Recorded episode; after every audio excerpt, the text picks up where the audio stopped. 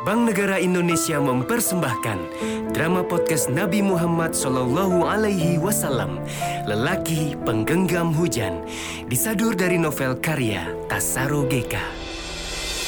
Episode ketiga. Malam baru saja turun di kuil Gunung Sistan. Kasfa yang sedang berbaring di tempat tidurnya tampak gelisah. Karena jenuh, akhirnya dia bangkit dari tempat tidurnya. Kasfa membuka surat yang dibuat oleh pendeta Bahira yang ditujukan untuk Warokah bin Naufal. Surat yang tidak pernah sampai ke tujuannya. Karena pendeta Bahira telah meninggal dunia pada puluhan tahun yang lalu, dan surat itu berada di tangan El yang menggantikan kedudukan pendeta Bahira sebagai penjaga perpustakaan di Biara Basra. Oleh El, surat itu diberikan pada Kasfa seperti lari estafet yang melintasi zaman. Dengan sangat hati-hati, Kasfa membuka gulungan kertas yang berisikan surat pendeta Bahira. Dia sudah ratusan kali membaca kalimat-kalimat yang tertulis di dalam surat itu.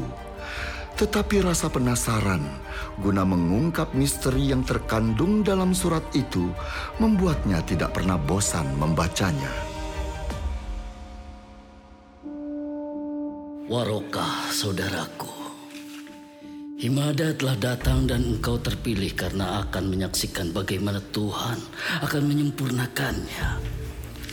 Aku sudah terlalu tua dan kupikir saat Himada telah siap melakukan tugasnya, aku sudah tiada. Maka ku beritahu dirimu kabar gembira ini agar engkau menjadi saksi nanti. Ketika Namus itu datang, mereka menyebutnya Jibril, sama seperti Namus menemui Musa. Ketika ketetapan Tuhan berlaku pada sang utusan yang mulia, Warokah saudaraku, aku sungguh-sungguh menitipkan urusan ini kepadamu. Tuan Kasfa, makan malam sudah terhidang. Terima kasih, Him. Aku segera ke ruang makan. Silahkan disantap, Tuan Kasfa. Terima kasih. Engkau sudah sudah terlalu banyak berkorban buatku, Yim. Sampai rencana pelarianku juga, kau mau membantunya. Aku khawatir bila Baginda Kosru mengetahui keterlibatanmu. Tentu hukuman yang terberat akan kau dapatkan. Ke mana yang lainnya, Yim? Kenapa tidak berkumpul di ruang makan ini untuk bersantap malam? Mereka turun gunung, pergi ke desa untuk melihat perayaan festival musim semi. Ini bisa membahayakanmu, Yim.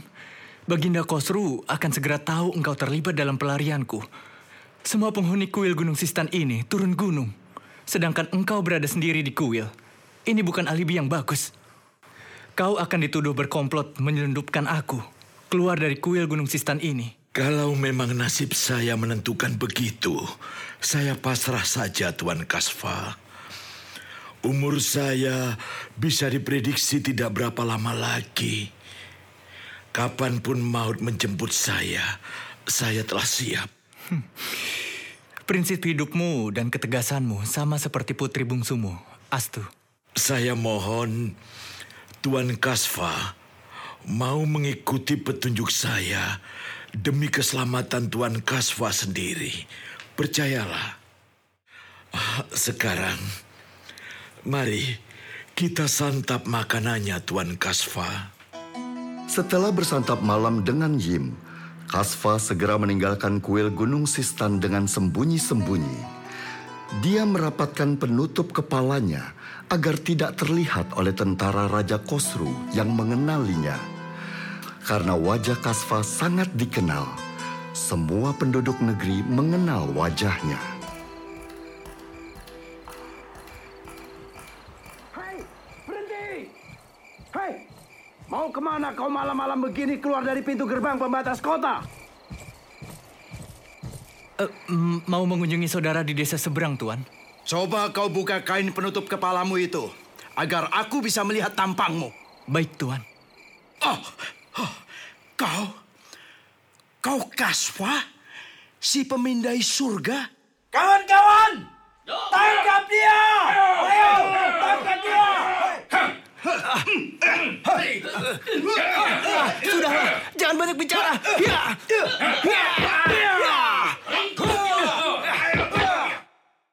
Kasfa adalah pemuda yang tenaganya kuat dan gesit.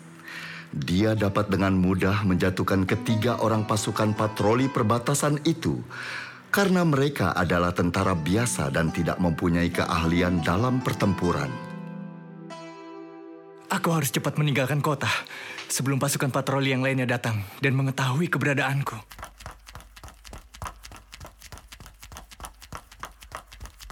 Nah, sekarang aku sudah berada di makam Cyrus, pendiri Persia. Seperti yang dijanjikan Yim, aku akan bertemu dengan Masya di sini. Tetapi tidak ada seorang pun di sini. Masya mungkin belum datang. Hmm. Ada sebuah prasasti.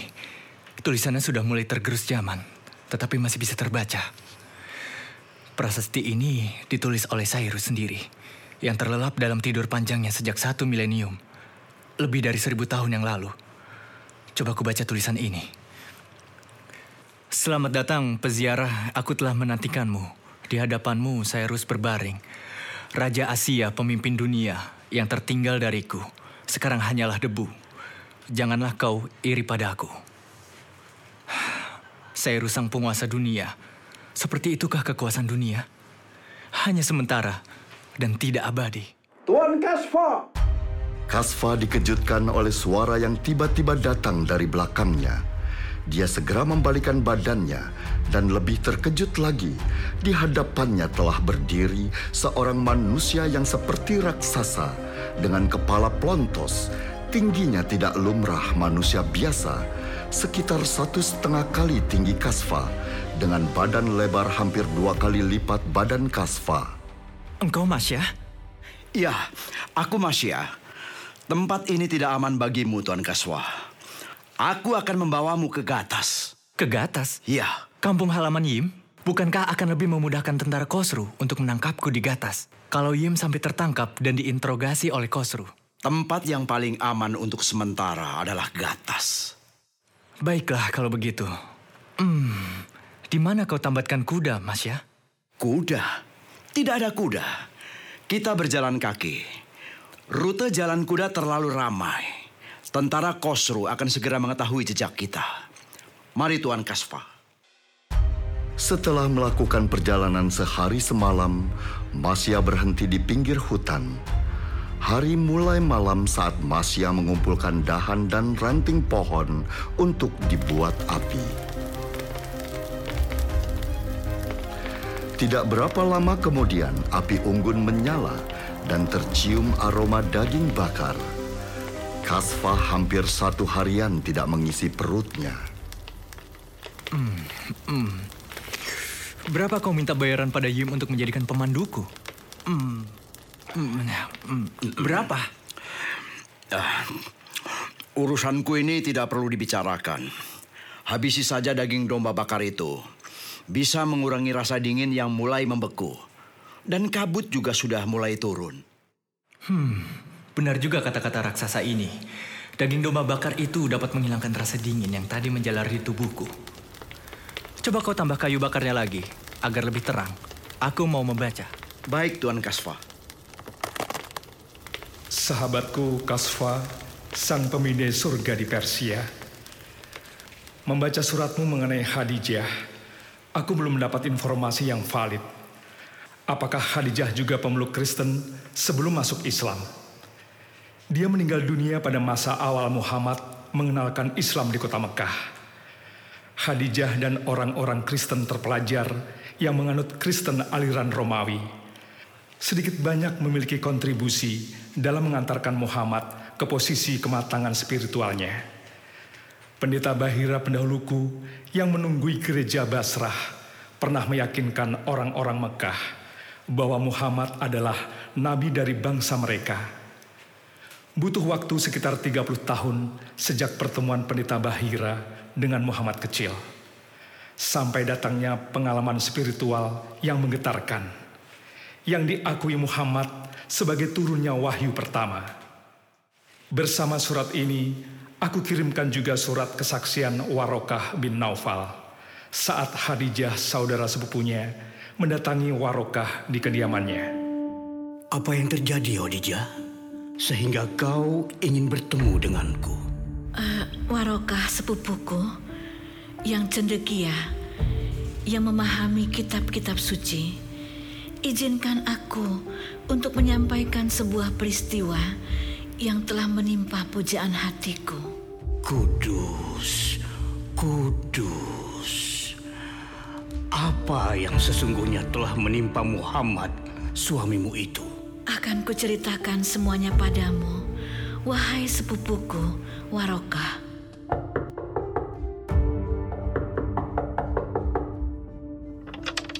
Ada apa dengan belahan jiwaku? Dia tampak pucat. Tubuhnya yang gagah, menggigil seperti baru saja diguyur hujan. Apa yang telah terjadi kepadamu, wahai lelaki yang selalu terjaga dari dosa? Dia memburu Dipan dan berkata, Selimuti aku, selimuti aku.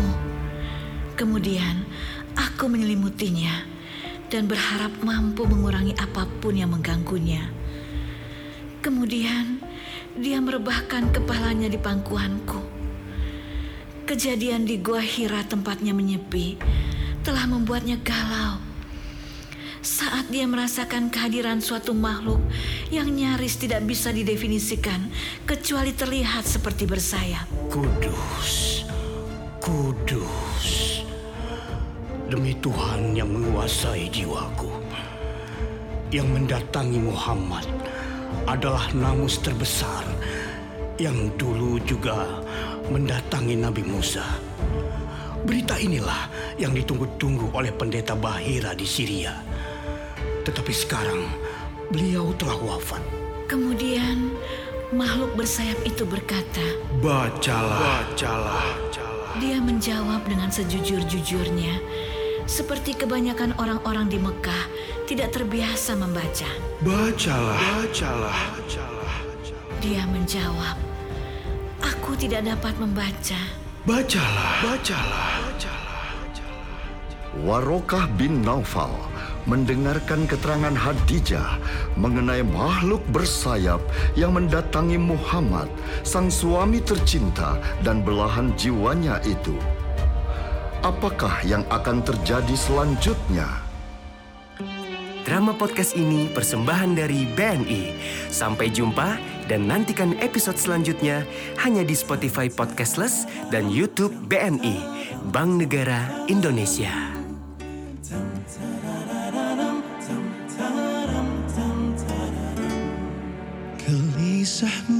Hanyutkan mentari hatiku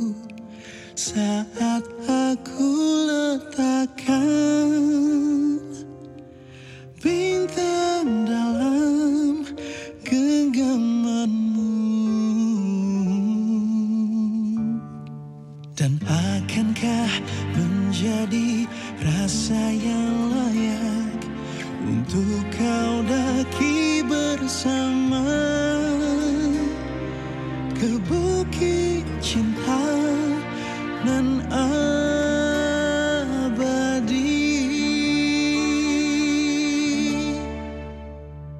Akan ku bentangkan engkau sayap seluas